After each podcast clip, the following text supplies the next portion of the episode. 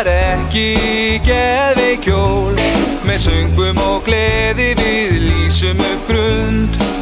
Hlátur og hamingja já því lík stund.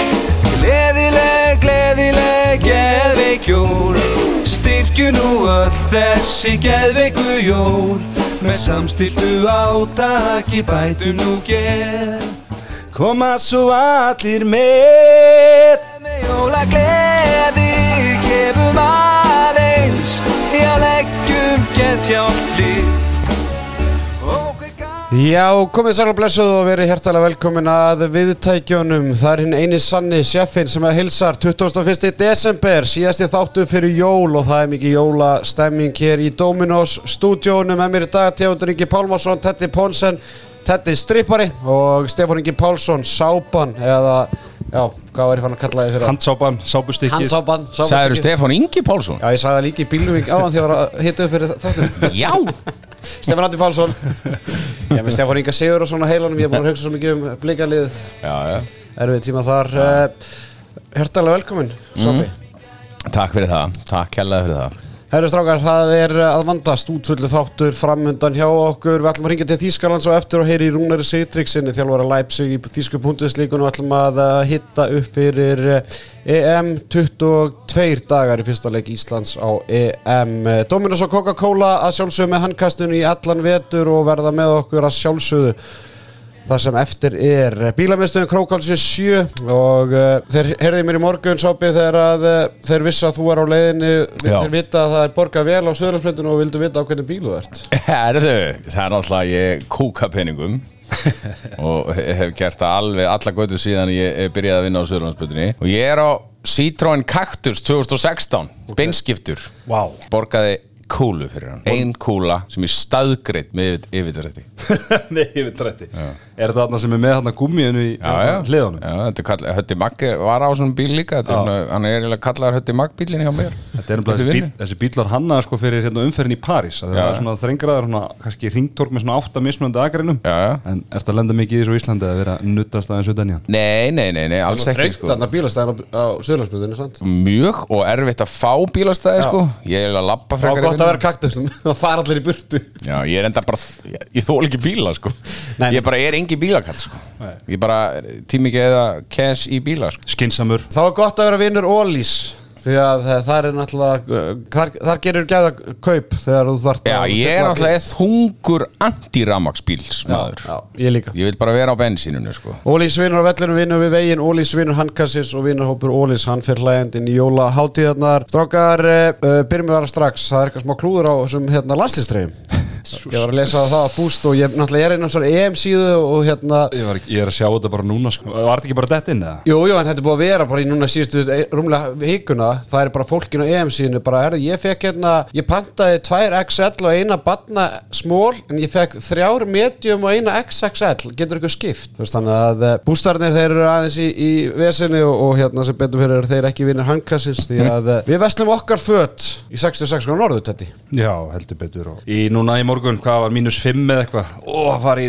dránguguli minn Það var indislegt Já, Jólagjöfin í ár hjá okkur Gjafabrif, 66 já, svo svo Já, meina bara þetta er bara þú veist, Það er líka hægt að dressa alla fjölskyldun upp sko. Já, það er allir í þessu- það er allir í þessu mínu heimil Og hver er heimilið, eh, Vók, hver er Vók, Tetti? Síðumúla og Gleirártorki Akureyri Náttúrulega einn af þínum uppáhalds landsleismönnum hérna Sábið er náttúrulega kongurinn í vók Valdimar Grimsson Já, já, einn af mínum uppáhalds káamönnum líka. Já. Og hann geggjaður þegar hann kom norður og spilaði fyrir K.A. Sturlaður Hann hýfur í baki og honum síðar þettunum Hvað segir við? Já, hann þýmiður Meirum um það síðar, Meirum það síðar. En eh, vók fyrir heimilegð talandum uh, eh, jólagjafir þá er eh, auðvitað uh, að finna príðis jólagjafir í vók fyrir heimilegð og séðan bjóðum við nýjan styrtaræðala til okkar strákar, er ekki allir bara Gút, gút, gút, gút, gút, gút, gút. Gút gút, engin sigur, betra bragð og uh, við erum að tala um uh, Crunchy, Crunchy Keto Teddy, hvað erum við að vinna með þar? Herru, ég er hérna ég er Crunchy Keto, þetta er svona hérna þetta er svona orkustykki og þetta eru bara með 2,2 grum net carb. Ok, Hvernig reiknar net carb, Sábi? Það man ég ekki. Kolvetni mínus træfjar Já, Þannig að fyrir þá sem er á hérna makros og svona. Já er þetta náttúrulega algjör snild sko og fyrir, En- þá sem er, og fyrir þá sem eru líka á hérna keto Þú mátt taka þá fjögur svona stykki á dag Já, ef þetta er keto Já. þá bara, þetta er ekkit eðlilega gott Þetta er svo bounty nema bara holt Mm. Heldur betur, en á línuna í Þýskalandi er komin Rúnar Sigdriksson og ertu hjertalega velkomin Rúnar. Takk fyrir það. Hvernig ertu? Ég er þokkalegur. Já, Ekkert meira það samt núna. Við erum að tapa í gerðkvöldi móti vettla. Já, ég sá það. Það er nú bara eins og það er. Bitust, já, ég, En ég, erum, já. Já, það er ekkert, það er ekkert, það er ekkert, ekkert grín hjá þess að það er bara æfing strax bara eftir klukkutíma. Eh, Já, við erum leikum morgunum móti Berlín, í Berlín, þannig að það er frekar þétt Já. prógrami núna. Það er eins gott að eigamenn heyra þetta ekki stelputunni í BF og Siggi Braga. ekki, við skulum ekki dræða þetta. en herðu við Ég allir... þekkit ekki alveg. Nei, nei, nei, það er leikjálaðið fór með þær þarna á sínum tíma. Herðu, en við ætlum að ræða hins vegar við um íslenska landslið það er 22 dagar í íslenska landslið hefur leik á EM í Þýskalandi. Uh, ég ætla nú bara að óskaði til hamingi með strákin Andri Már Rúnarsson, alltaf nýlið í þessum 20 manna leikmannhóp hann er alltaf hjá þeir í, í Leipzig. Hvernig hefur hann tekið þessu öllu saman? Uh, bara vel, en hérna á sama tíma og, og snorri hringdi í hann, þá hérna, snýr hann sig í byggarleikum móti Melsungen, þannig að hann hefur verið að reyna að taka þátt í síðust temleikum en, en ekki gengið, en hérna það er lítur samt alltaf betur út með hverjum deginu, þannig að við reiknaðum með honum allavega inn á vellinum á móti Berlín á morgun. Ok, komur óvartan skuli fá þetta að fá kallið hann í 20 mann hópnum? Nei, ekkert, ekkert frekar sko. Þetta er nú bara svolítið eftir hvernig uh, bolta þú vilt spila og ég held að hann passi inn í, í hraðan bolta. Ef, ef við förum bara og ræðum aðeins hérna, Snorra Stein, hvernig líst þér á það sem þú sást í þessum leikjum og til færingum og, og, og bara hvernig líst þér á þetta mót sem er framöndan? Uh, Mér líst bara mjög vel á hérna á Snorra og Arnór. Uh, ég held að hérna það sem þeir eru að reyna að gera það, það, það, það meikar alveg sens og hérna ég held að það geti hjálpað okkur í, í svona móti ef við náum að spila til til að hraðan handbólta því að við erum kannski ekki sterkasta varnalið en með því að spila hraðan handbólta þá ættum við að geta haldið allavega pressu á okkar anstæðingum þrátt fyrir það kannski að vörnins sé ekki að standa eins og bestu varnirnar í heimi. En með tempói og, og hérna og fljótum svörum er, ímislegt hægt. Mm -hmm. Það er náttúrulega talandi um vörnina, náttúrulega Gummi Gummi var náttúrulega harlega gaggrindur síðustu stórmót með þetta þessa bjöförn og, og, og, allt þetta og allt og aggressífur en, en það er svona nokkuð ljóst að Snorri Steinn náttúrulega aðeins að, að detta niður. Það er samt ennþá talað um það einhvern veginn að vörni getur verið okkur veikleiki og allt það. Sérðu fyrir þeirra að, að Snorri skilur mig geti fundið eitthvað svona leið sem að mun henda íslenska liðinu eða erum við bara ekki eða sterka stráka í þetta, ég meina þú veist við erum að fara að mæta ungurum, þú veist, þar eru bara að fara að mæta paníti á línunni og allt þetta. Þú veist, hvað, hvað lausn sérðu eitthvað neginn fyrir snorra sem hann getur henda íslenska liðinu varnalega? Ég held að hann, við erum bara að gera það er bara að gera það besta sem að, úr því sem hann hefur og ég held að við erum kosturinn er að okkar varnamenn eru þá frekar fljóttir á leppun uh, ég held að sagt, þá er ættum við að geta uh, verið betri í einn og einn um, en við þurfum samt sem áður standa svolítið þéttar þannig að það sé ekki langt í hjálpaverðina og náttúrulega umfram allt sko þá held ég að við færslur okkar yfir völdin sem fram og tilbaka síðu þar alveg miklu hættulegri heldur en öðrum líðan þar sem við erum bara með fljóttari leikmenn. Akkurat. og ég, ég held eins og ungverja sko við erum alltaf oft í, í, vandræði með þá. Þeir eru einhvern svona anstæðingur sem uh, sem bara hendur okkur illa. En ég held að akkurat þetta sem við verðum að leggja upp með núna ég held að það er allavega vott og borgar sig að reyna ungverjina Akkurat, uh, náttúrulega Elvarud Jónsson er náttúrulega glímaði meðsli, þar eru við að tala um líki leikmann bæði vörn og sókn og sérstaklega í þessum leikstíl sem að Snorri vil spila. Það er gríðarlega mikilvægt, auðvitað veit ég að það er þá mögulega að kostna andrum og rúnarsen en, en það er gríðarlega mikilvægt fyrir íslenska landslið að Elvar verði með og, og við skulum get, getum farið á stórmórtar sem allir okkar líkilmenn eru heilir. Já, hann er búin að hann spilaði alveg frábælega að fram á meðstónu hérna með sinni félagsliði velsökum og er einmitt uh, í aðalhutverki á, á báðum endum vallarins. Og hérna er mjög dýrmættur uh, þess vegna. Og hérna eitt besti varnamaður Melsungen líka hefur verið að spila skiptunni í sókninni og gert það mjög vel. Þannig að þessi meðsli komið sér illa fyrir Melsungun og, og, og, og náttúrulega fyrir íslenska landslið sérstaklega. Sætlu blessaður Rúnar Pónsson hérna megin Sætlur Sælun, heyrðu, hérna Arnar var svona myndist aðeins á kannski á, á varnarleiki sem hu- hugsanlega veikleika. Þú veist, það hefur oft verið svona í aðdraðanda þessar mótu hjá okkur, þá hefur verið tíðrætt um ykkur veikleika stöður, þú veist, við höfum talað um línumannstöðuna og markmannstöðuna hérna svona kannski á síðustu árum. Er eitthvað svona, finnst þér eitthvað svona augljós veikleika staði hjá okkur, eða erum við kannski bara með svona jafnara og betra lið stöðulega heldur en kannski ofta aður? Já, ég held að veist, leikstilli sem við erum mæntalega að fara að spila, hann, sem sagt, hann mun hérna fela kannski nokkra veikleika hjá okkur. En, en hérna ég held því alveg klárt að við erum ekki með sömu sóknarlínum en og ungverjast til dæmis ef við byrjum okkur saman við þá eða Serbía. En hérna en með fljótu leik og mik mikil reyfingu, góðri bóttafæslu þá, eh, þá sé sko myndi ekkert vera að mála skrattan á, á veginn fyrirfram. Við erum bara held ég að fara að spila öðrum sér botta sem hentar leikmennunum okkar og hérna er bara eina fulli bersinni sko.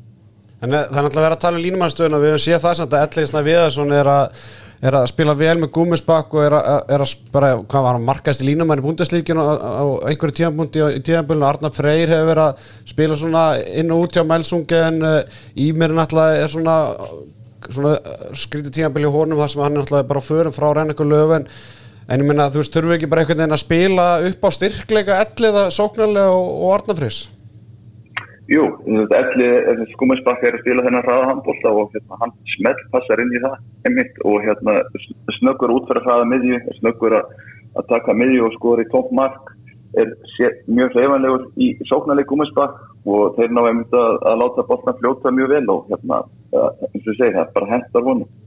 Arnar Freyr hefur með Melsungen eftir kannski erfið að byrja, þar sem þjálfæðurinn var ekki mikið að sitja, hann hefur hann einhvern veginn bara unnis upp og hann er uh, þeirra besta línumæður í dag. Hérna ef við kannski horfum aðeins í vendingarnar Snorriðu talaði um í aðranda móts að, að svona krafan er að komast í undakefni ólupjöleikana sem er kannski ekki mjög skýrt markmið þannig sé að við vitum ekki hvað sæti við þurfum að lendi til, að, til að ná því ef þú horfir á þetta, hvað hérna hvað finnst þið vera svona, hvað maður að segja ef við byggjum kannski tvöfaldarspá svona eðlilegt markmið og, svona kannski svona bjart sínin að einhverju leiti raunaf spá Já, sko þetta er nú, að því það fara bara tvölu upp á riðlun, þá myndi ég segja að, hérna, að í rauninu getur byrjað að rekna ef þú vinnur riðlin og, og ferð áfram. Uh, ég held að við höfum ekki efn á því að vera að vannmetta liðið svo ungverjarland. Uh, þó ef kannski ekki alla leikminna þá er þá eru er peningar í topplegum í Ungverðilandi og landslismenn uh, þeirra spila bara oft heim í Ungverðilandi því að þeir hafa, hafa það gott þar og þurfa ekki að fara annað til þess að fá betur borga.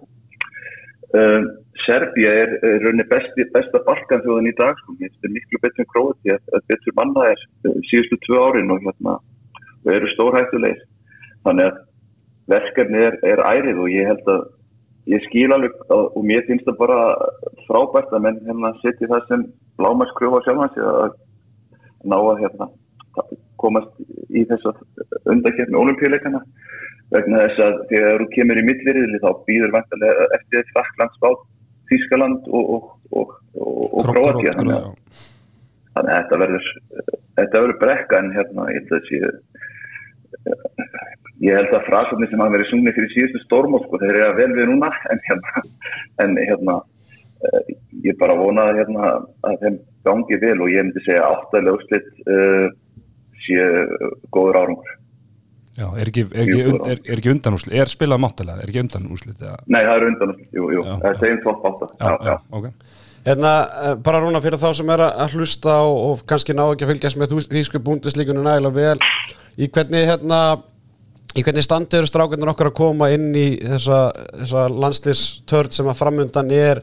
Við sjáum það, mér langar minnast á, á Viggo Kristjánsson sem er hjá þér. Hann er sko, markaðastur hjá þér nánast í hverjum einasta leik. Hann svona Mér finnst það svolítið svona upp og ofan íslenska landslunni, ég veit ekki hvort að Gummi Gumm hafi annarkort verið að nýta illa eða, eða hvað því að mér fannst einhvern veginn sko annarkort satan á bekknum allan tíman en svo þegar hann fekk lóksist tækifæri þá ef hann skora ekki fyrstu tvö skotunum og þá einhvern veginn vissum við bara, heyrðu, hann er bara off í þessu leik. En ef, ef hann skoraði fyrstu tvö skotunum þá var hann oftast markaðist að leik með íslenska landslýsis þá var hérna snorri einhvern veginn að nýta hann betur og heldur að hann muni rótira Ómar og Viggo meira. Já, ég held það. Ég held að minni rótur er meira vegna þess að náttúrulega út af þessum hraða bólla sem maður vil spila það bara það kostar uh, kraft og hérna og það er alveg gefið mála að, hérna það spilar engin eitt leikmaður uh, 60 mínútur uh, annar hver dag í ein- einni stöðu þannig að ég held að muni nýta vikk og meir og ég held að við erum bara vel settir á þessum stað, mjög vel settir og hérna það verður bara spurning hver að enn tekur vítin sá verður markaherri í mótunum Rúnar, Stefán Átni hérna Blessaður sæll Herðu, ég er að velta einu fyrir mér Ert þú að fara á mótið? Syngja og tralla í stúkunni? Nei, ekki syngja og tralla, sko, það er ekki minn stíl. Jó, jú, hérna, jú, jú. Ég sé einhverja leiki, já, já, jú, jú, einhverja leiki sé ég, Já. það er alveg verið. Hvað hérna, bara rétt í, rétt í lokin, uh, þú talar um uh, Serbíu sem að einu bestu Balkanþjóðuna akkurat núna. Hvað, hvað lið sérðu, eða þú veist, hvað þjóðir ættu við Íslandingar að fylgjast með? Bæði þjóðir sem að verða berjast á toppnum og líka kannski einhverja þjóðir sem að munu koma óvart, við sjáum það hollendingar náttúrulega án Kai Smith sem að munu náttúrulega veikið á gríðarlega og við náttúrulega erum í báratunu við þá um þetta sæti á, í umspili olimpíuleikana, hvaða svona þjóðir finnst þau mest spennandi fyrir þetta EM sem framöndan er? Uh, ég hérna, það eru þessar toppþjóður sem eru mest spennandi. Og hérna í DE og Eðrili það það erstu með skandinavísku þjóðunar, Noreg, Svíð og Danmörk. Og uh, við erum svona meira í, í Evrópuriðli. Uh, ég, svona fyrirfram þegar maður horfir á þetta þá heldur maður að þetta liggi nokkuð í ljóst fyrir. En ég held að okkar riðl sé, það er ekki gefið hvaða lið þar áfram. Og í, í eins og eftirriðlega sem Danmörku er þá er þetta keppna milli Portugals og Tjekklands hvaða lið fyrir áðan ég, áfram. Ég myndi ekki afskrifa Tjekkland, verður spennandi að fylgjast með þeim. Uh, en ég held að svona ég er ekki að sjá að neinn lið komi eitthvað óvart. Uh, umfram þetta sem við bara reiknum með. Er normiðinni betri núna en þeir hafa verið undanfærin ár? Já, allavega síðustu tvö ár sko, ég finnst þessum að það sem hefur séð eins og frá Kolstad að, að, að, að sé fara að virka hjá þeim. Og það er nú hálft norska, norska landsliði þar þannig að þeir eru skeinu hættari síðanir eru, eru mjög góðir. Og ég sá nú einhvern lista í gæð það var það var 16 manna hóp Dana sem kom, kemst ekki á EM. Og ég held að sá hópur myndi geta spilað að verðin sko. það er alveg ótrúlega hvað, úr hvaða magni Danir hafa velja handbóltamenn Mhm. Hérna, ef þú staðsöndur okkur, ég meina einhverju veðbankar er að setja okkur ofan til dæmis normennina, ertu, ertu sammála því matið þeirra eða er það, er það svona full bjarsýnt af, af, af þeim aðilum?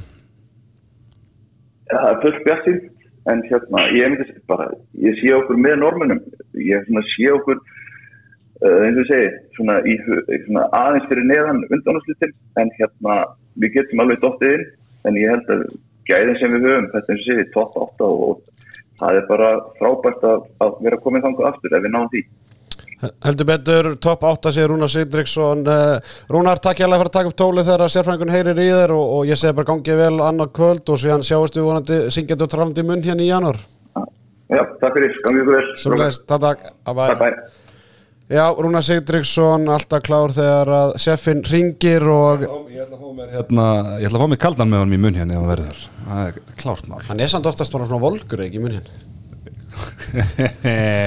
Ekki í janúar. Nei, það er rétt. Herðu, strákar, aðtilsvertur mann talar um þarna bara bjarsít skilur mig, en áttur, eða þú veist, það er alveg rétt sem hann segir og við hefum kannski nefnt kannski ekki drosalega mikið, en serbarnir, þeir, veist, ég sagði það þegar það var dreigð, þetta er dauða riðl, sko. Þetta er bara, þú veist, eins og segir, það er ekki, þú veist, það getur öll þessi fjúlið sem eru í riðlun með okkur, farið upp úr riðlunum.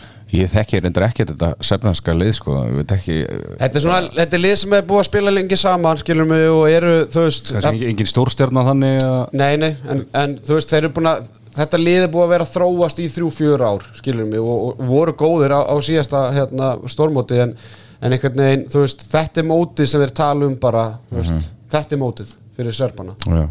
Upp á framhald að gera verðum við náttúrulega að vinna riðilinn. Já, veist, við verðum að vera í efstasætinu ég náttúrulega sá okkur spila við ungverðana fyrir tæplega árið þarna í, í Krik Kvanstad og mér veist ungverðinir mjög lélegir á því móti. Og, og mjög lélegir í þeim leik. Fyrstu, hvað var þetta 37-8 mínútunar og við eigum að vinna, að vinna þá finnst mér og svartfællingarnir ég þekki þá heldur ekkert sérstaklega Þeir voru náttúrulega bara besta liði í fjórða styrkleika skilum við, en við hefum getið fengið Gríkland eða Georgíu eða Færejar og þú veist en Montenegro er klárlega sterkasta liði sem við gáttum fengið í fjórða styrkleika. Mhm. þannig að, en á sama tíma bara skemmtilegt því að ef maður einhvern veginn mistuðu sig þá, þá hugsa maður að ok hinn leikurinn samt eftir, eða skilum það er heldur ekki gaman að vera einhver riðlið sem veist bara að liðlegasta liðið á ekki sjens Já, já, og þetta er líka bara skemmtilega mér finnst þetta skemmtilegt format, þú veist, á, á EM kannski með HM, þar sem út með einhverju gefinsleiki og líka núna, þú veist, það er bara töli sem fara áfram, þannig að þú ert alveg raunverulega hættu að detta bara út úr, úr yllakefninni, en ég einhvern veginn horfa á þetta þannig að við erum bara með það gott landslið núna og mér finnst þetta bara að vera þú veist, þetta, er, eru strákar á, á við erum með flott, svona, flott aldurstreifingu svona megnið af hérna, leikmönnum okkar bestu leikmenn er á, er á topp aldri og eiga, svona, eiga að vera nálgast toppin á sínu, sínu ferli. Að þá finnst mér bara allt í lagi að, að leiðin sé svolítið grýtt að því að við, ef við ætlum alla leiðskilur við ætlum að vera í topp fjórum og það sem að klítur að vera enda markmið þessa hóps þá þurfum við að vinna þessi leik hvort þið er. Þú veist, þannig að ég, ég lít bara á þetta þannig sko, þú veist, að í staðin fyrir að vera eitthvað búið til einhverju grílur með erfiða riðil, menn ef við ætlum okkur að, að, hérna, að gera einhverju hluti þá bara verðum við að fara í gerum þessu lið á einu með öðrum tímapunkti sko. Samála því. Já, mér varst með gríl, þessu svona grílutal þú veist, svíagrílan á sinn tíma það var gríla, þú veist, mér finnst bara þeir voru bara ekkert eðlilega góðir. Já, fárlega góðir. En að vera detti í einhvern sko e- e- pakka að tala um einhver, einhverja ungverja grílu þá ertu bara pínu lítill aumingi því að við eigum bara að vinna ungverja sko. Og ungverja grílan á ekki að vera til sko.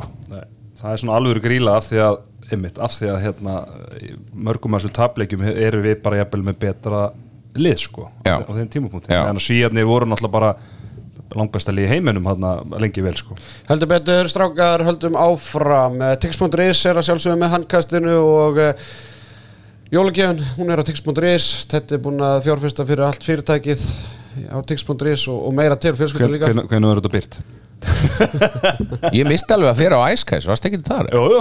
Þú varst það það? Nei, ég var ekki, á, hérna, ég var ekki að hella í mig, ég var með á krakkasýningu Þú varst ekki með mér á naflanum bara einn rúta upp í stúku Grænlegsku bara, nei, en djúvill öfunda ykkur. Það var ekkit eðla gaman. Tix.is, ég kifti mitt í gegnum það. Já, sjálfsögðu. Herru, Tix.is, þeir vildu fá uh, topp 5 lista frá þeir sápan Mm. uh, þínir uppáhalds landslismenn frá upphafi og uh, eins og ég sagði það á hann Valdi Gríms, ef þú ert að hlusta þú fær nýminn í baki hérna frá sápunni en uh, ég vil byrja á sætur nummer 5 Nei, ég ætla að byrja á Honorable Mentions. Þá ertu samt búin að gefa upp að þeir sé ekki listan Það? Já, Hvað tekur er með, hvað er með lókin? Tekur það í Á lók að gera, ok, ok, ok. Byrjum á Fyrsta sæti. sæti. Já, uh, það er uh, drengur sem ég bara ég treyst honum alltaf svo mikið. Þegar hann var að spila með íslenska landsliðinu hann hérna, hann bara svo ég bara, ef þú bara hérna hugsaður um tröstan handbóltamann á báðum endum vallarins þá kemur þetta nafn upp í hugan á mér og það er Arnór Allarsson uh, aðstofa landsliðsjálfari geggjaður í vörð uh, frábær í sókn oft á tíðum uh, og ekki, þetta er svona ekki þessi típiski flashy handbóltamaður en mér finnst hann þetta er besti sko ungi handbóltamaður sem ég séð. Þú veist bara þegar við erum jafn gamlir og hann var bara fáránlegur þegar hann var yngri, úrlingur uh, og svo var hann bara æðislega góður landsliðsmaður og, og ég bara einhvern veginn alltaf þegar hann var inn á þá var ég leiðmanni vel. Hann er, er nummer 5 uh, nummer 4 er að mínum að þetta bara besti leikstjórnandi í, í sögu íslenska landsliðsins. Og það er landsliðstjálfarinn Byrja, byrja vel. Það la- a- aðstofþjálfarinn og svo landslýsþjálfarinn Já, Snorri Steit Guðjónsson er uh, nummer 4 uh, bara geggjaður handbóltamaður uh, veist, ég held að sé, ég held að sé ekkert margir sem að, veist, eru kannski núna í kringu tvítutti aldrei átt að segja á því hversu góður hann var, þú veist, við erum að fara hérna í smá nostalgíu þætti núna næstunni, sko, Líka- Líka um þetta sko að hælas, þetta er ekkit eitthvað, þetta er þetta er þrusubombur, skilur, hann var bara svo ótrúlega klókur. og ekki hafa hann líkams yfirbyrði yfir aðra, sko. Nei, nei, hann bara með þetta náttúrulega geðveika undirendaskot sem að hérna, þú veist, hann sýnir sko í kringum aldamótin fyrst með val það sem að, þú veist, negli boltanum upp í þagneti, sko, sem að sér ekkert oft í, í handbolta. Alltaf mætturinn á línu, ég veit ekki hversu oft mörg hann skoraði inn á línu. Hann var gleitt besti línumæður í heimi á þess að vera línumæður.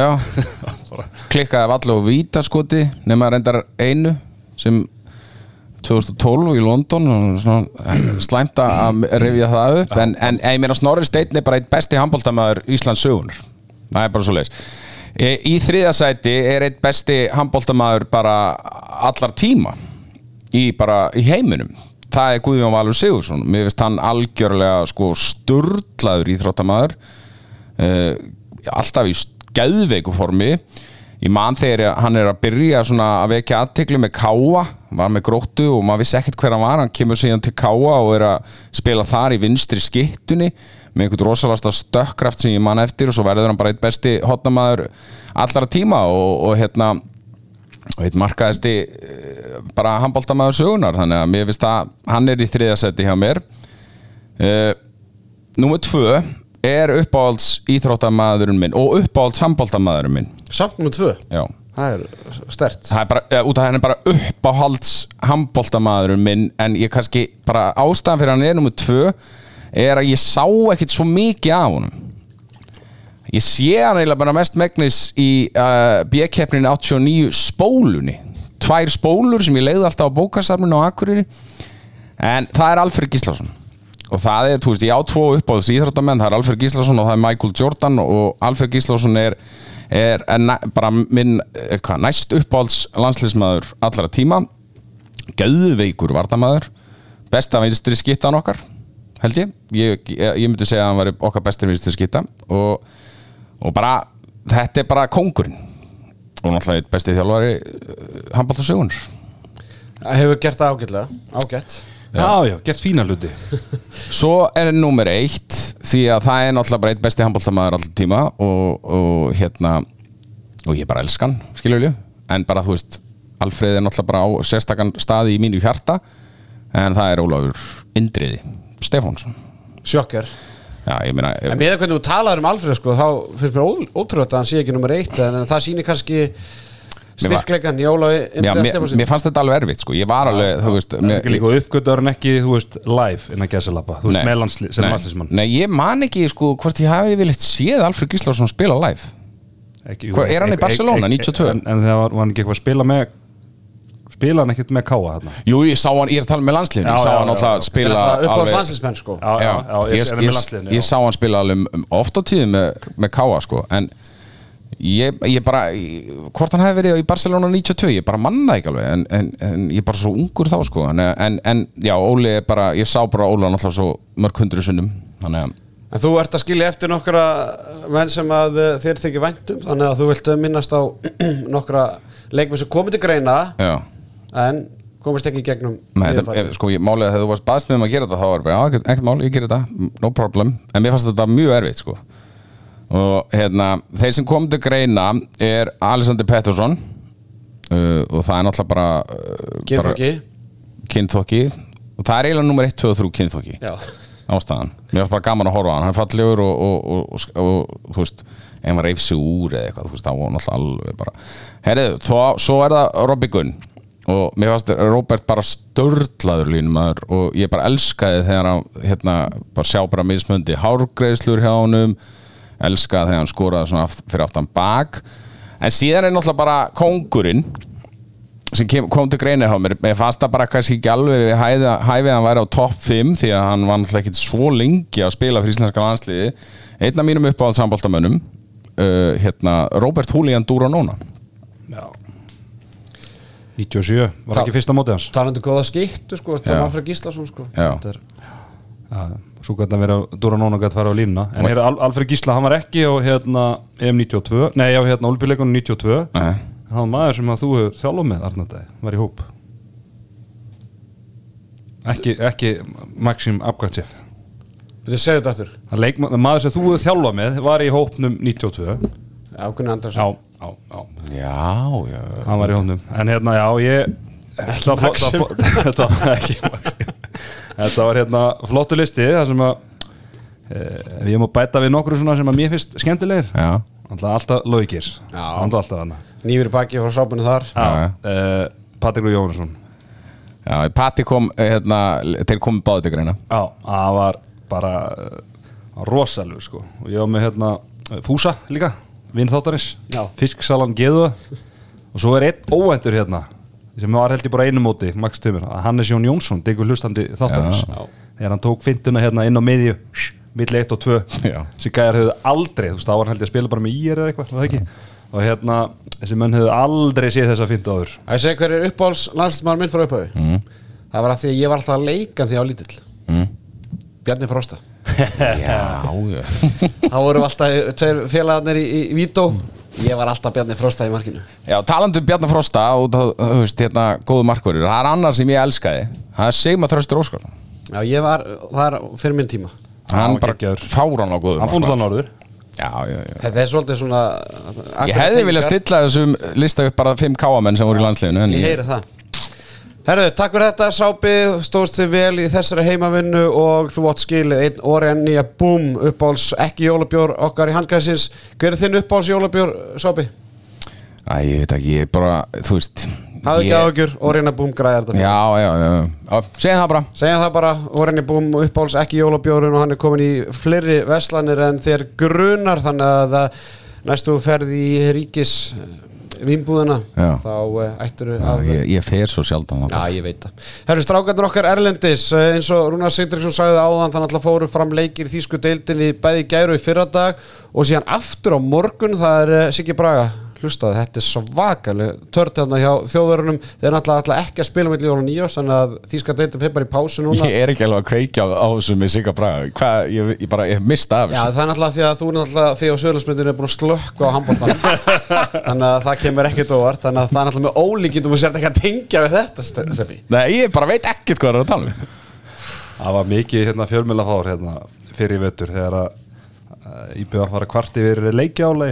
Bara það að Það að að Mættu við allar með til leiks Jó, ok, og þetta er svolítið síðan. Jú, ég manni þurr Töpum með 70 Já, mörgum já, og já, já. fóru sér í Európa-keppni og töpum 80 mörgum Já, þegar hann, hann var að saka háið síma alltaf að á þetta Já, já, ég manni en, þurr en á að tuða vel Ég held þetta hefði bara verið eitthvað núna í vikun Nei, nei, nei, nei. Já, ok. Siggi Bræði er búin að halda sér til hlýja síðan hann var pakkað saman. Herðus, þetta förum í strákarnar okkar. Magdeburg, Gunni Stórsigur á Hamburgi í vikunni 43-28 Já. eftir að staðan hafi verið hvað í hálfleik? Uh, 27-9 27-9 Já, þetta er ágættis við 27 mörg Þeir voru hvað, þeir skoruðu bara úr öllum sóknunum sínu nema þremur eða eitthvað? Þetta er bara fárálegt Þú átt eiginlega ekki að geta skora 27 mörki í Ég hef bara, maður hefur heist það bara, þú veist, þegar frakkar er að spila á móti sko, Ástralíu. Já, Nei sko það sem er eiginlega ótrúast við þetta að þetta var ekki eins og káa fram þar sem staðan var 27-22 í hálfleika eitthvað, það var 27-9 Já. þeir voru frábæri Já. og frábæri vörn. Já. En Ómar Ingi hann var eh, skoraði ekki nema 11 mörk í leiknum og þar af 10 mörk á fyrstu 40 minnur leiksins. Gísli Þorgeir með fjögur þannig að hann er bara komin á, á gott ról og Janus Staði byrja, ég byrja að smjatta. Já, þetta er frábært. Á, Ég er svo spenntur. Já. Ég bara, ég, ég er að Við erum krossleggja að, við erum að fara í undanúslit Já, ég er að krossleggja það Við erum að fara í bara undanúrslit. Að menn sé ekki hvað meiðast bara í þess að loka umferð í þýska. Herðu, le- leikmaður sem að fekk ekki kallið í 20 mann leikmann, leikmannahóp uh, íslenska landsleisins Teitur Örn Einarsson. Hann er heldur betur að spila vel með Flensburg þess að dagan í fjárveru Kai Smith sem að verður ekki með hollenskan landsliðin á EM vegna hjartavandamála og Teitur var næst markasti leikmaður Flensburgar í 5 marka sigur á Lemko 34-29 Teitur er með 7 mörg og með svona, þú veist Donni er tæpur. Já, fyrst hann var ekki kallaður í 20 manna hóp þá svona að segja manni að þeir hafa ekkert miklar ágjör að donna myndi ég halda. Nei, nei, Donni var samt ekki leikmannahóp Pák í gær. Nei, en já, hefði ekki teitur alltaf verið hefði ekki alltaf tekið 21 eða eitthvað þeir hefði eitthvað verið það er svo að hafa meira ágjör á elvari með leikmennar sem takk inn þarna Já, en ég, honum, þú sko. veist, ég er bara Teitur, náttúrulega Teitur er orðað við gummisbakk og, og hérna, ég held að hann eigi skila þess meira ást og ég held að ef Teitur væri á norðan þá væri káamenn Mm.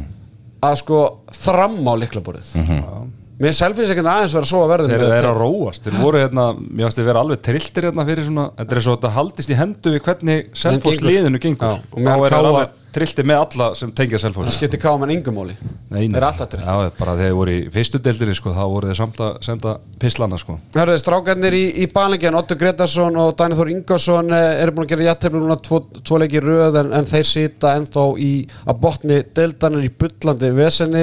Ottur er vítaskipta nummer 1, 2 og 3 og hann með 5 mörg og 5 skotum og vítakustum síðan alltaf Viggo Kristjánsson hann skoraði nýju mörg í gær í þryggjamarka tabi á Vetslar og eh, eins og Rúna sagði Andri Már Rúnarsson tæpir á ökla og hann kom, kom sér ekki á blad Þetta er þinn maður í, í Melsungen, Arnar Freyr Arnarsson. Já, hann skoraði tvissar í einsmarskeri á, á Gúmisbakk 26-25 uh, Allir snarfa með þrjú mörg og spenski meðjumörn Kanái Balenciaga uppáhalds fattamerkið þitt? Heitir hann það? Já, Balenciaga. Má ég bara sjá hvernig hann skrifa Heitir hann það bara nákvæmlega? Balenciaga og er að segja þetta. Vissi ykkur veist hver þetta er?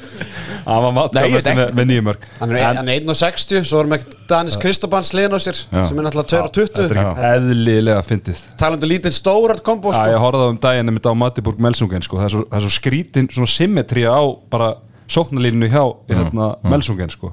með, með hann pínu litin hérna, Kristófans er risa stóran þetta er alveg, alveg hérna, ekki það Kristófans lætur náttúrulega alla lítið út fyrir að vera 1.60 Já, já, sko. já, já.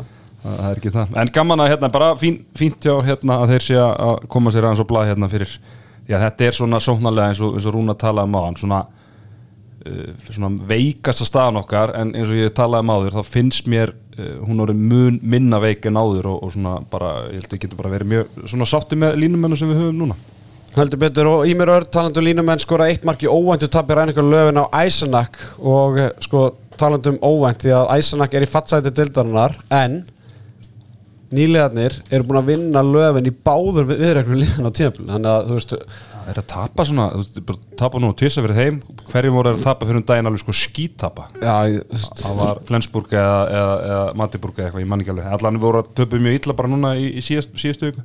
Já þeir bara það er gengur ítla hjá þeim Já, bara, bara brass. Já, herðu, uh, fr- í Fraklandi eins og ég sagðan, Donni var ekki í leikmennahópi Pák í, í gær og, og uh, Viktor Gísli, hann spilaði voðalega lítið í einsmarks sigra á Montpellier þr- 31-30 fekk ykkur fjögur skot á sig og, og spilaði lítið.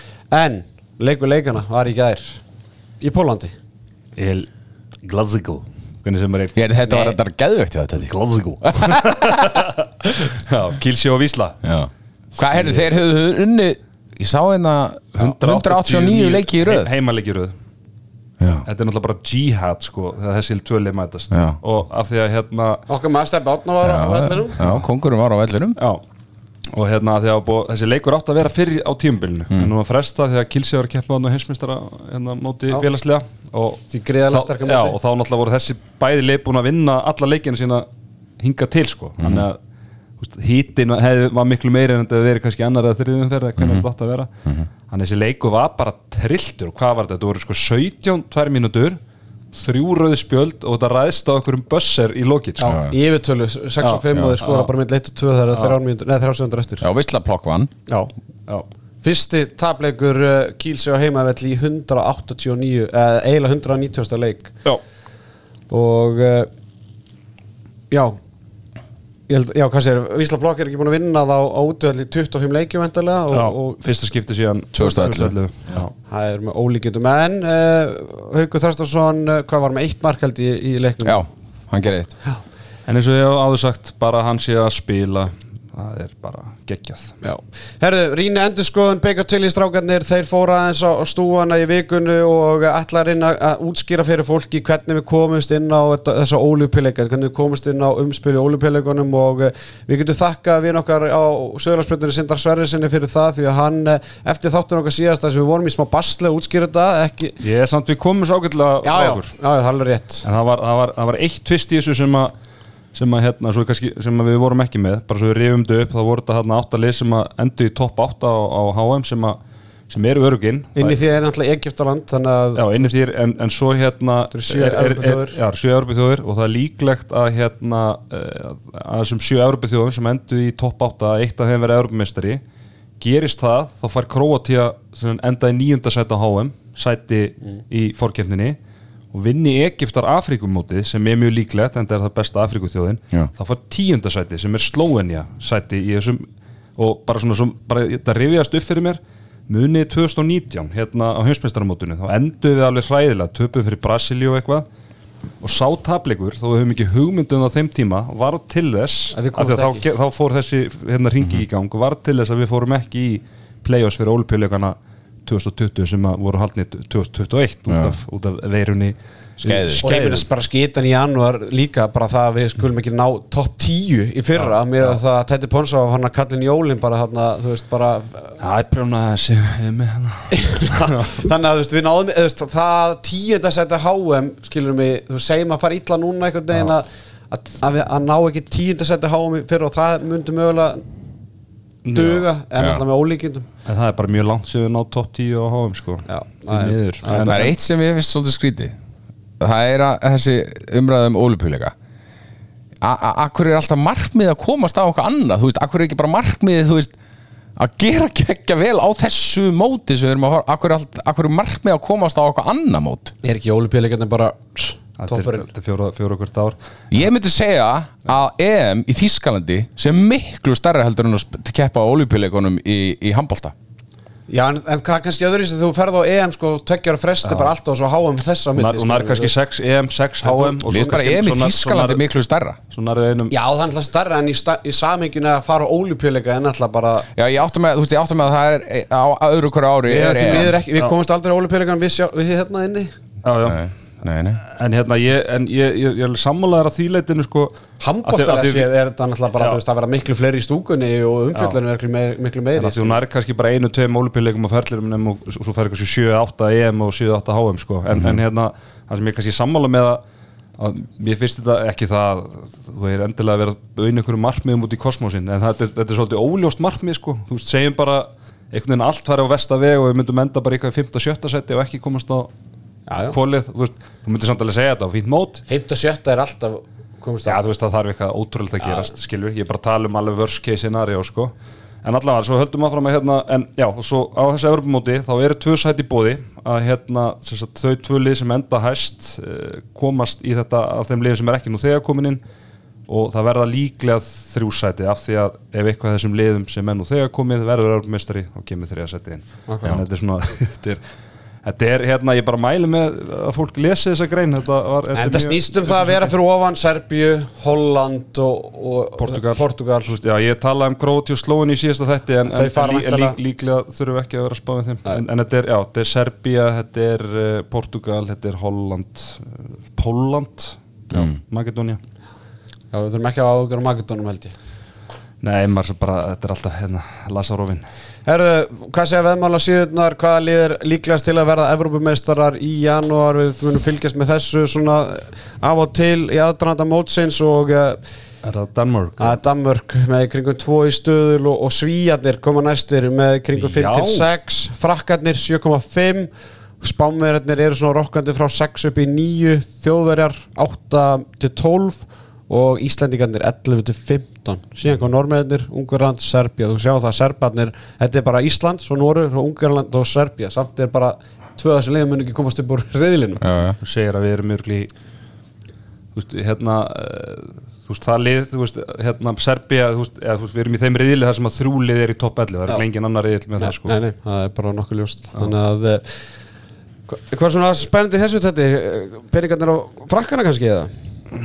eh, hva- Hvað er svona spennandi í þessu þetta? Peningarnir á frakkana kannski eða? 7,5 Já, mér finnst hérna, kemur smá orð að þeir þeir hvað sagður stöðlega var að svíjana? 5,5 Já, Það er alltaf ólíkindu sko að fyrir mót ef þú veður á Danmörku þá ferði kringu 2 í stuðul Það er ekkert eðlilega Það er en það er, en það, en, en það er samt þessu sem kemur inn í þessa veðbánka því ég er ekkert vissum að svíjarnir sé endilega eitthvað með eitthvað betra, ef sví, Svíþjóð og Frakland mætast að þú myndir endilega eitthvað tipp á svíjana en er það að hinn milliriðlinn er Er veikari. slakari Já, já. Af því að, Frakkarnir geta náttúrulega lent í því bara þú veist að þú ert með Spán og Þískaland skilur á heima og Ísland, ekki gleyma Ísland. og Ísland skilur þannig að það er ekkert hérna á meðan þú einhvern veginn það þyrfti eitthvað stórslýs að Danmark og Svíð og fara ekki undan úr slitin svona með einhvern veginn normennir að veri sko en getur svo sem allt gerst. Heldur betur uh, Sko, Simen Pay og handbóltapassin að sjálfsögðu og við hvetjum hlustendur til að Er, fjárfesta er, er þetta ekki bara hættir að vinna? Þetta er ekkit eðlilega mikið að styrtaræðum Nei, nei, þetta er bara allt vinur okkar Sæll. Vinnir sástu samt að fyrir strax í vörð Við höfum að tala um já, já. og nokkur um yfirmennan sem búin að tala við hann að, þakka þetta Ég er niður þetta áttað með ekki að vera að vera að tala um. Og ég hveti allar til að kaupa sér handbóltapass Það bara ekki að því. Sjáðu, vörnina sem þeir eru þannig sölur, það má ekki eins og tala um þetta að þá bara eru þeir farnir strax það voru skýr skilabóð en uh, samkvæmt nýjastu tölum þá eru fleiri með handbóltapassan heldur en áskrift Er það staðið? Nei, nei, ég hef ekki hugmynd um það. En allavega, við hvernig fólk að henda sér á handbóltapassan og til hvenna, hún hefst náttúrulega bara strax í byrjun í janúar, það eru stelpunar okkar sem sló í gegn og sóttu fórsetabyggarinn, það er verið mættar aftur til Íslands og ég veit ekki betur en að það er verið bara gefandi eigin handa áriðanir bara strax fyrir og eftir leiki því að þetta er jú vissulega hetjurnar okkar í hvenna boltanum Simin Pay að sjálfsögðu að eh, með okkur. Einnig uh, strákar, það er smá vatn á millu Björgun Páls þetta úrvarslið sem HB Stats var að gefa út fyrir, fyrir hlutan eða fyrir árum Ég myndi ekki segja að þetta væri vatn og millas ég, þvert, þvert á móti. Nú, myndur segja að þetta væri bara tölfræðin væri þarna bara hár rétt og þetta væri bara úrvarsliðið Nei, ég er að segja að hann getur ekki sagt hann sé besti markmaðurinn að þetta byggir á tölfræði en ég er að tala um bara liðið heilt yfir, skilur mig. Þú veist, myndur þú segja að Guðmundur Bræði með að spila með Já, menna, já, menna þannig Ég er að tala um það. Já, ég heldur að tala um að því hann er sjálfur í liðinu. nei, nei, nei, nei, ég er að tala um að þú veist hvernig liðið er stilt upp. Þú veist, myndur þú segja að Elmar Erlingsson væri búin að vera besti sóknarmaður en Mm, Nei, en þá getur þú sagt allan að hann hefur átt 2, 3, 4, 5 frábæra leiki Já, ef þú ert- þú að horfa á engun að gefa hópi stats þá getur við sagt að það, þetta er svona svipað og ég myndi segja að þetta er svipað og þegar að morgunblæði velur lið ársins út frá hvað leikum hóð mörg emmi við tímabilið Já, skilur þetta er svona morgunblæðið Já, þetta er svona svipað af því að þetta er ekki, þetta er ekki rétt lið við getum bara orðað þannig. En uh, samkvæmt Hápi Stats og samkvæmt tölfræðinni og ég veit við erum komið lengra en að tala um tölfræði á 2003 en uh, við verðum bara að taka þátt í umræðin að Starri Freyriksson og Jakob Ingi Stefánsson er í hotnunum Þeir hafa verið frábærir að Ég meina, það, er það, ég held að það sé alveg ég get alveg kvittað upp á það sko. Já, Haldur Ingi Óskarsson á línunni á Víkingum, þú getur ekki kvittað upp á það. Nei, Þar eru nei, rustmínundundar að skila sér. Já, og mikið að víta hvustum Já, Elmar Erlingsson, Einar Rafn Eðsson í skittunum og Guðmundur Bræi á miðjunni. Einar af kannski alveg Já, já, en þetta er samt svona, þú veist, örgulega mikið á einhverjum ruslmínúndum og, og þannig, þú veist, ég held að, þú veist, það er engin F-hangur þarna Nei, Aron er á bæknum Það er eitt valsari, Já, skilur mig, og, og það er engin mósvellingur Þannig að þetta, þú sérði alveg hvar, li- hvar þessi lið eru, þetta er all lið sem eru í, í basli fyrir utan í bjöflið Já, já, en það þarf að horfa á þetta. Þú, þarf, þú nota tölfræði sem svona stuðnísgagn en það þarf alltaf að vera svona eitthvað huglegt í, í svona vali sko. En samkvæmt tölfræðilega séð, þá er Einar Rafn Eðsson besti leikmaður í úlisteldarinn fyrir árum mót, Ísak Rapsson besti varnamaðurinn, Elmar Erlingsson besti sóknamaðurinn og okkar maður Björgur Páll Gústafsson besti markmaðurinn. Hvað hefur ekki einar rapp verið á þessum stað bara um mitt mót bara síðustu tímabil? Jú, Það hlýtur að vera hann, er, uh, hann má eiga það. Herðu, Sværi Fitnessport heyrði í sérfræðingnum uh, bara rétt í þessu og uh, eftir hans fór að fatta það bara herðu ólistildin koni pásu en við þurfum aðeins að fjalla samt um ólistildina þá var hann að velta fyrir sér þetta hvað fimm leikmenn getur hann bókað að verði í íslenska landsliðinu sem er að spila í ólistildinu núna sem verði í landsliðinu til 5-10 ár. Og þá erum við ekki að tala um Björgum Páli eða Þorstein Leo eitthvað svona, þetta er leikum sem er ekki komnir. Það er fjólgæta Björgur Páll. Ah, Eftir ef, Snorri Steinn verður þarna. Fymtur Já, ég meina ef Snorri Steinn verður ennþá með landsliðið þá ég veit ekki hvernig hann á að rífa í kíkin Sko 5-10 ára, það er svolítið svona ég, ég sett, með það við 8 ár. Ok, 5 til 8 Já, það er svona 8, já, bara ég- já, 8 ár. Uh, Ég held að uh, svona uh, þurfum annað markmann þá með Viktor Gísla eftir 8 ár, þá hérna verða þessi markmann sem við erum með núna svona þannig sé komnir á aldur og hérna þá sé ég Brynja Vigni fyrir mér. Ó, frendi uh, Peppa frænda hans. Nei, nei, hann er búinn að vaksa mikið og búinn að vera hann í úlingarlandsliðinu og hérna, það er áhuga utan, ég get bara sagt það hér. Hann er 21 og svona, þá er hann 29 ára. Já, það er áhugi, búinn að vera áhuga utan þannig að ég held að sé bara tímarsmjörnmál hvernig hann fer í, fer í atvinnum sko. það sem að mann bara mun halda áfram að vaksa hann ég sé hann fyrir mér hann Mækarinn kemur honum já, já, hann er alltaf með öflugast umbóðsma þjóðarinnar í, í Mikael eh, Nikolássinni herðu, uh, hægri skittan uh, held, ég held að við munum svona þurfa örfenda leikmann. Uh, þessi strákar sem við erum með núna, þeir eru hvað, þeir eru 97 og 98 þannig að þeir eru hvað, 25 og, og 6 ára, þeir eru að tala um Tate, Donna og Ómar þannig að ég held að sé alveg fyrir að við þurfum eitthvað örfendan á þetta og þá svona líst mér eiginlega bara best á, á Jónisberg eins og, og staðin núna. Og svona finnst það líklegastur til, a, til að komast langt, þú veist, Ísak búin að spila vel vissilega líka, mér finnst svona eh, svona í allþjóða bolta finnst mér bara Jónis Berg svona einhvern veginn líklegri til að ná, ná lengra. Eh, svo þurfum við einhvern öfluga mann sem getur spilað þrist í vörn og, og hérna og svona, ég er að gera mig vonur um að gæti orðið svona sóknar leikmaður í, í allþjóða klassa leikmaður sem að ég held að fari bara út eftir þetta tímabil sem er Einar Bræ Alstinsson og hérna svona í allan sem leikstíl sem Ísland er að spila í dag hversu, hvernig svona verður svo eftir átt ár. Verður, verður hérna eh, er svona erfitt að að meta þetta en, en, en hérna hann er, hann myndi smellpass inn í þetta lið í dag allavega og svona með kannski reynslu, getur ekki reynslu viðbútt herru, svo kom að því erfiða maður, jésús sko uh, ég var að velja tvo hérna uh, ég ætlaði að velja tvo miðjumenn. Og ég var með fjóra í huga. Og ég ætla bara að segja hverjir, hverjir komið til greina. Mm -hmm. Guðmundur Bræi Elmar Ellingsson Benedikt Gunnar Óskarsson og Reynið Þór Stefánsson. Guðmundur Bræi og, og Benedikt eru fættið 2002 Elmar 2004 og, og Reynið 2005 og ég var svo mikið að væflast með þetta. Ég sendi á fimm mismunandi aðila hvaða tvo aðila þú veist, bara þeir teldur líklegast eru bara landsmenn eftir átt ár Já.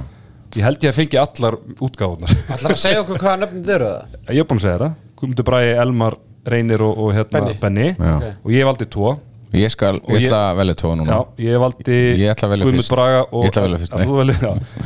Ég valdi Guðmund Braga af því að þó hans er búin að eiga svona uh, kannski ekki sitt besta tímabil að það bara finnst mér það sem hann hefur sínt okkur undir verið nári ég held að þurfi bara að komast í annað umhverfi og þar mun hann halda áfram að blómstra og ég held að hann geti orðið og ég held að hann verði bara frábær leikmaður og svona Elmar Ellingsson þú veist, þetta er svona, veist, hann er kraftmikill leikmaður með svona, svona powerplay element sem að þú veist, kannski ekki dólíkt gíslað þorgeri eitthvað slíkt sko. Þannig að hérna, hinn er tveir alveg eiga möguleika líka en ég ákvaða að velja þessa tvo. Þannig að þetta er fyrir listan, þetta er Guðmundur Bræði Elmar Ellingsson, Einar Bræði Alsinsson Jónas Berg, Andrason og Brynjar Vignir Sigurjónsson. Býtu, þú valdir Elmar og Guðmund Braga. Já.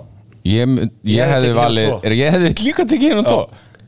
Já, ég fekk bara alla mismunandi útgáður Ég hef tekið Ég hefði alltaf tekið Benna. Já, ég hef reynir, minna reynir er yngri sko þú Reynir yngri, alveg klálega Og e, bara komin helviti langt með það aldur og, og hérna En þannig ertu, hvernig, hvernig þróastu eftir hérna, þú veist, á næsta árum og eitthvað, þetta er svona skemmtilegur þetta er sangamisleikur, þetta er sangamisleikur Ég sé Benna fyrir mig að vera bara svona Luke Stein svona Ég held að verði Bal Balenciaga. Já, já, Balenciaga. Þetta er svona svip á þegar maður var að velja hérna hver var næsti vinstri hótnamaður inn í, inn í landsliði fyrir nokkurum árum. Þú veist, þá vorum við með hérna Hákondaða við vorum með hérna Óra Þorkels við vorum með hérna Dag Gauta. Steven. og Stíven var alltaf komin inn í þá umræði svo hann Fyrstur. fór fram úr öllum hinum þegar sko. Ég ætla að reyna að vera eitthvað sniður og finna eitthvað sem væri ekki á svo lista en Þú veist, það er sér, svo er, ertu með hann yngri strák út með þessu ungu strák í Káa ég bara svona ekki svo Arnur Viðas talandi um Varnamann Ar Arnur Viðarsson, já, já, hann, hann og klálega heim í þessari umræðu Já, ég ætla- ég ætla- komið svolítið marga réttinda hann reyndar. En ég held að hann sé bara varn, ég held að hann er Varnamar undan einar braga. Sem þristur. Já, eða þristur að bakurinn bara, þú veist. Já, ég, okkur, ég held að við svona þurfum þú veist, er hérna, erfiðar að manna þess að þristastöðu sko. Þannig að það er svona kannski það sem maður horfir í. Ekki gleyma Júla Flósa Ég vil að flósa Hvað er hérna uh, Tryggvi Þórisson, er hann 2002 model? Eð? hann er 22 en hann er náttúrulega ekki í úlistildinni þannig að Nei, já, þetta var brólis Jésús, sorry, Já. heila blæðing. Þannig að, en, en sko ef að Svæður Fitnessport ætti að fjárfesti í einhverjum af þessu leikmanni sem er bara garantít bara einhver garantít leikmanni sem að Svafa vil bara fjárfesti í, bara búa til smá peninga. Já, hvað á nafna á hann að hafa saman við ég bara garantít í landsleir eftir 8 ár. Mm, bara 100%. ú, Eina, eina bara Svavar heyrðu það, hafðu samband eina brag og fjárfesti í honum og, og þú verður hlæjandi í bankan Beini frændinum með þú Beini frændi nummer 2 Herðu, strákar eh, það fer að síga setni hlutan hérna hjá okkur eh, það voru það var stórfrétt sem að eh, kom til okkar í handkastinu í gær sem að eh, harðverjar í grill 66 deildinni voru að sækja sko já, getum ekki sagt bara reynslu bolta úr uh, reyndaru annar búndislíku en leikmaður sem hefur spilað í kringum 130 leiki í þýsku búndislíkunni hefur spilað með Kattetin Sjáfoss en Jónas Mægir Teddy, hvað getur þú sagt okkur um, um þennan Geggjað, hann- bara geggjað markvarða nafn. Já, hann er ekkert skildur Tómas í Mæja Nei, Þetta er skrifað aðeins öðru sér ekki með Usulón Já, er þetta strákufættur 94, hann, hann, er, uh, hann er að vera 30 núna í januar og eins og segir, bara búin að hérna, spila með fullt af flottu liðum. Hann hérna, uh, byrjar í, kemur ungu til Rænleika Löfven og, og svona hérna, byrja þar, fer svo til Sviss til Katetin Schaffhausen sem er lið sem að Þór Ríkarsson spila með í dag. Og svo leikið með Lemgo, Stuttgart, Bietigheim Hamburg, Nordtorn og, og hérna endar svo ykkur leið sem heitir Rimpar Völfe sem ég veit ekki alveg alveg hvað er, en hérna já, bara hættur í handbólta og, og þeir fyrir vest að náða bara samfara með ykkur hérna æfintýra sko. þannig að þetta er bara ótrúlega stór profíl að fara í grillið á Íslandi. Heldur betur. Og á línunni hjá okkur er Bræði Rúnar Axelsson maðurinn á bakvið tjöldin fyrir vestan. Bræði, við verðum hjartalega velkvæm á línuna Sælufélag, hvað segir? Við segjum bara fínt, við erum að undrast á þessum uh, félagsgetum sem að, og þessum leikmanni sem þið sóttuð í gær, getur sagt okkur á hlustendum hvernig hörður sækir leikmann sem er búin að spila 130 leiki í búnduslíkun á topp aldri og, og tilbúin að spila í grillinu Já, sko, við, við byrjum, hérna, við byrjum því að byrja skemmina. Við erum með lið sem að hefur ekki spilað vörn í þrjú ár, þannig að markværslan hefur verið mjög, mjög takmöktu hjá okkur og eina, einum af æfintýra mennsku skeiðunum mínum í haust, þá, þá byrjaði ég bara að hafa samband við nokkra menn og, og einn ein austur að Evrópur eigin benti mér á, ég fyrir spurðan, hver, er besti markmann sem er ekki stilað neitt í Evrópu núna? Og hann segir strax um Jónas Mægir, ef þú nærði honum í handbólstaftur, þá er það Jónas Mægir. Og ég ákveð bara að hafa upp á Jónasi og finna hann í gegnum nokkra góða íslendika símanúmeri hjá Jónasi, hingi hann og, og hann, hann svona tekur ágætli í þetta hann, hann fer Íslandingu vel söguna hann hérna, þekkir hann Arovapp og segir bara að þessi toppmenn Íslandingar og svona, er, er alveg áhuga sem um þetta. Hann bendir mér á agentin hjá þér og, og agentin var eiginlega bara hérna mikla slæs hann er svona up and coming super agent og hann segir mér bara ef ég geti búið til eitthvað takka sem að heitli Jónas ekki fjárhærslega heldur svona andlega ægintýri, ferðarmennska, skoða eitthvað nýtt, þá sé alveg líklega.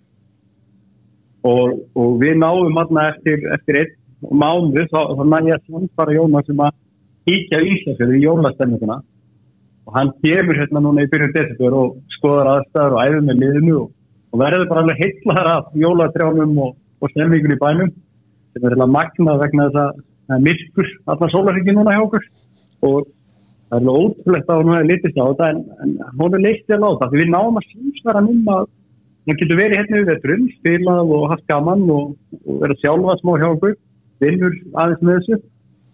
Og svo við fumatíman getur að vera að ferðast í Ísland og verið vinnu við þærum þannig að við náum að samsvara ná æfingramennskunni og, og ég held sem að þegar ég er að skoða þetta betur og þetta sé að vettvangur sem við hefum að vera að skoða meira.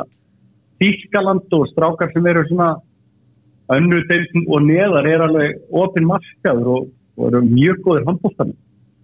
Fyrst að mér tekst ekki, fyrst að mér tekst ekki að svarfara tegum að koma vestur alltaf það eða, eða ponsin að koma að spila hjá mér.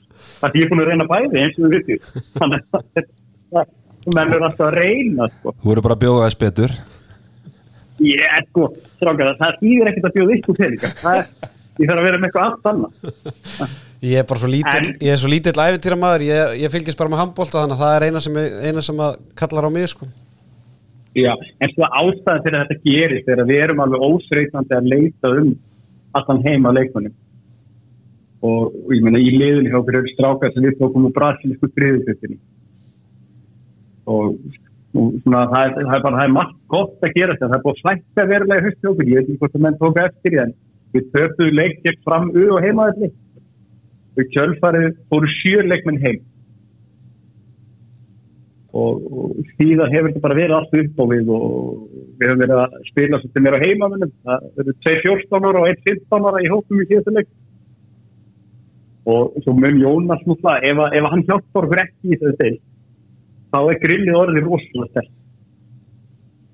Ég held að það sé nokkuð ljóst þú talar um að þið hafi fækkað svolítið útlendingunum og, og að einhverju tjámúti í sumar var mikið hittamál þessi, þessi þjálfarmál var hendur Carlos sem enda síðan á Salfossi. Var einhver tíman kom einhvern tíman til grein einhvern veginn að þið myndið gefa upp átana eða, eða er ennþá stefnun á það að fara aftur upp í óliseildin og, og spila í deil þeirra bestu á næsta tímafili Við sko, það er alltaf komið aldrei til greina að gefa stuð. Við erum alltaf bara þannig gerðir að ef við værum í út á skynnsimina eða annars þá værum við lengt og hætti. En, en sko varðandi, varðandi það hvað við ættum að vera á næsta ári, þá held ég að, að með því að vera Sveinan Jónas er þetta mjög skýr stílabóð. Það eru þrjúlið í toppsæti, nei þrjúlið í toppsæti og við ætlum ekki úrslutikernina. Það er skýrt, Við ætlaði að fara bara beint upp við ætlum beintur. Já, það er vel gert Herðu, hérna Jónas er ekki eini leikmanni sem við fæta við núna. Það er alveg á þeim og, og þetta fíasko í sumar kent okkur náttúrulega. Maður á bara að tækla því sem kemur og vonandi liður tala sér vel að selfossi og við erum komið sjálfara sem er, er fann að láta okkur spila på vörð. Þannig að við bara fögnum því. Við áttuðum okkur á því fyrir að við getum ekki hlaupið við vall og spila hraðar eftir. Það er bjartinni.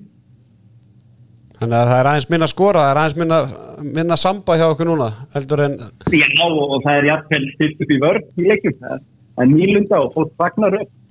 En, en ég held að þessi þekki, það er ekki tækt að spila í ólís og vera með átjöfnbrótt markvöldu. Það er bara, það er ekki sjens.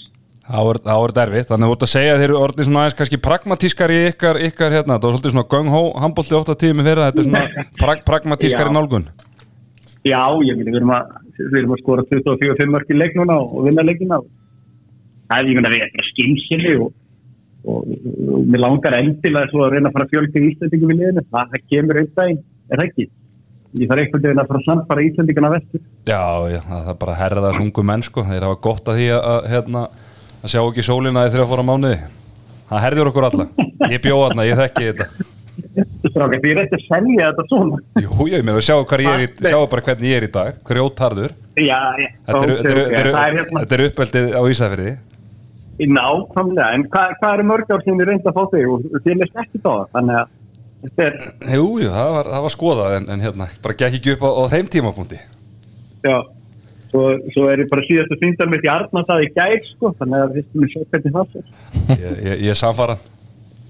Já, já, já, það þýðir ekkert annað, en, en líka við hefum bara tækla þetta núna, það er, það er óvæntur uppgangur í handbóltanum núna af því að spýtu og farið að virka, landslið okkar með HM, það er jákvæðin í gangi, þannig að núna er tækifærið, við þurfum bara að fá meir umfjöldin, fyrir að standa ykkur vel og við þurfum meira bara.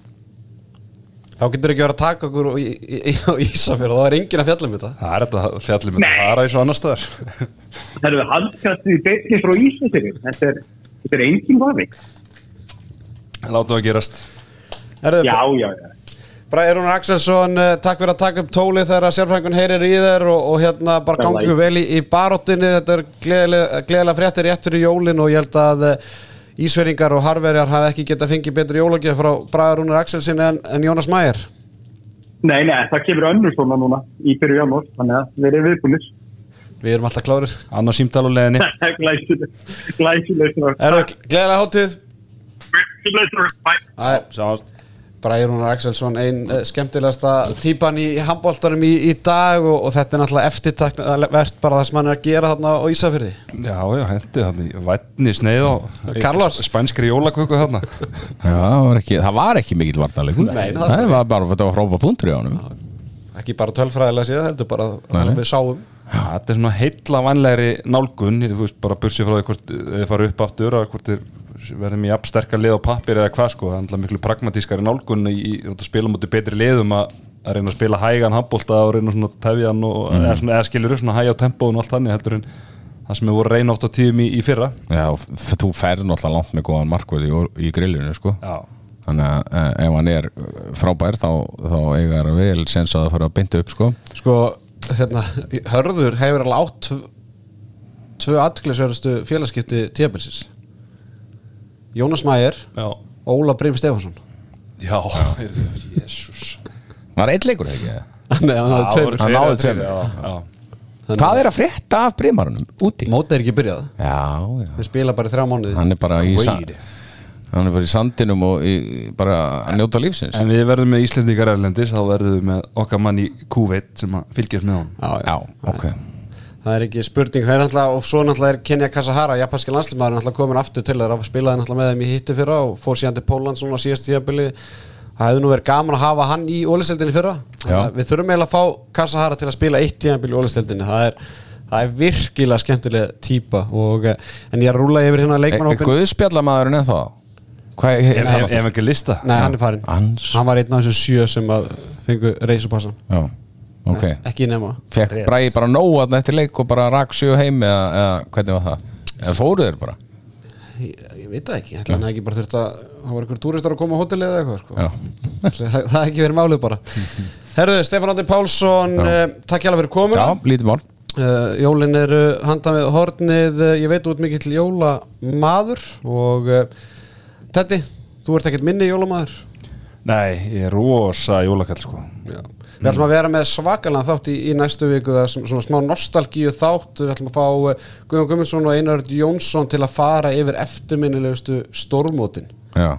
Hver, Hvað er þitt eftirminnilegsta stórmót, Stábi? mm, lítur að vera það sem þú gerir átt að þátt að serjum Nei, já, já, jú, jú Það olíupileikar Ég er alltaf eins og ég var að tala með hann Ég er svolítið á móti olíupileikunum Hann En komst hérna- ekki sjálfur á ólupíleikana sko. Nei, Kuna Móto 97 er mitt eftir, eh, eftirminnilegast Já, ég er alveg sammála. Það er bara, ég bara er einhvern veginn á þeim aldri og er að vakna, hvernig var maður að vakna? Það var svona 5-6 á Já. mótnana allan að Misti ekki að leik, Óli Stef með svarthár, Doronóna mjög góður. Patti geggjar Patti geggjar, já.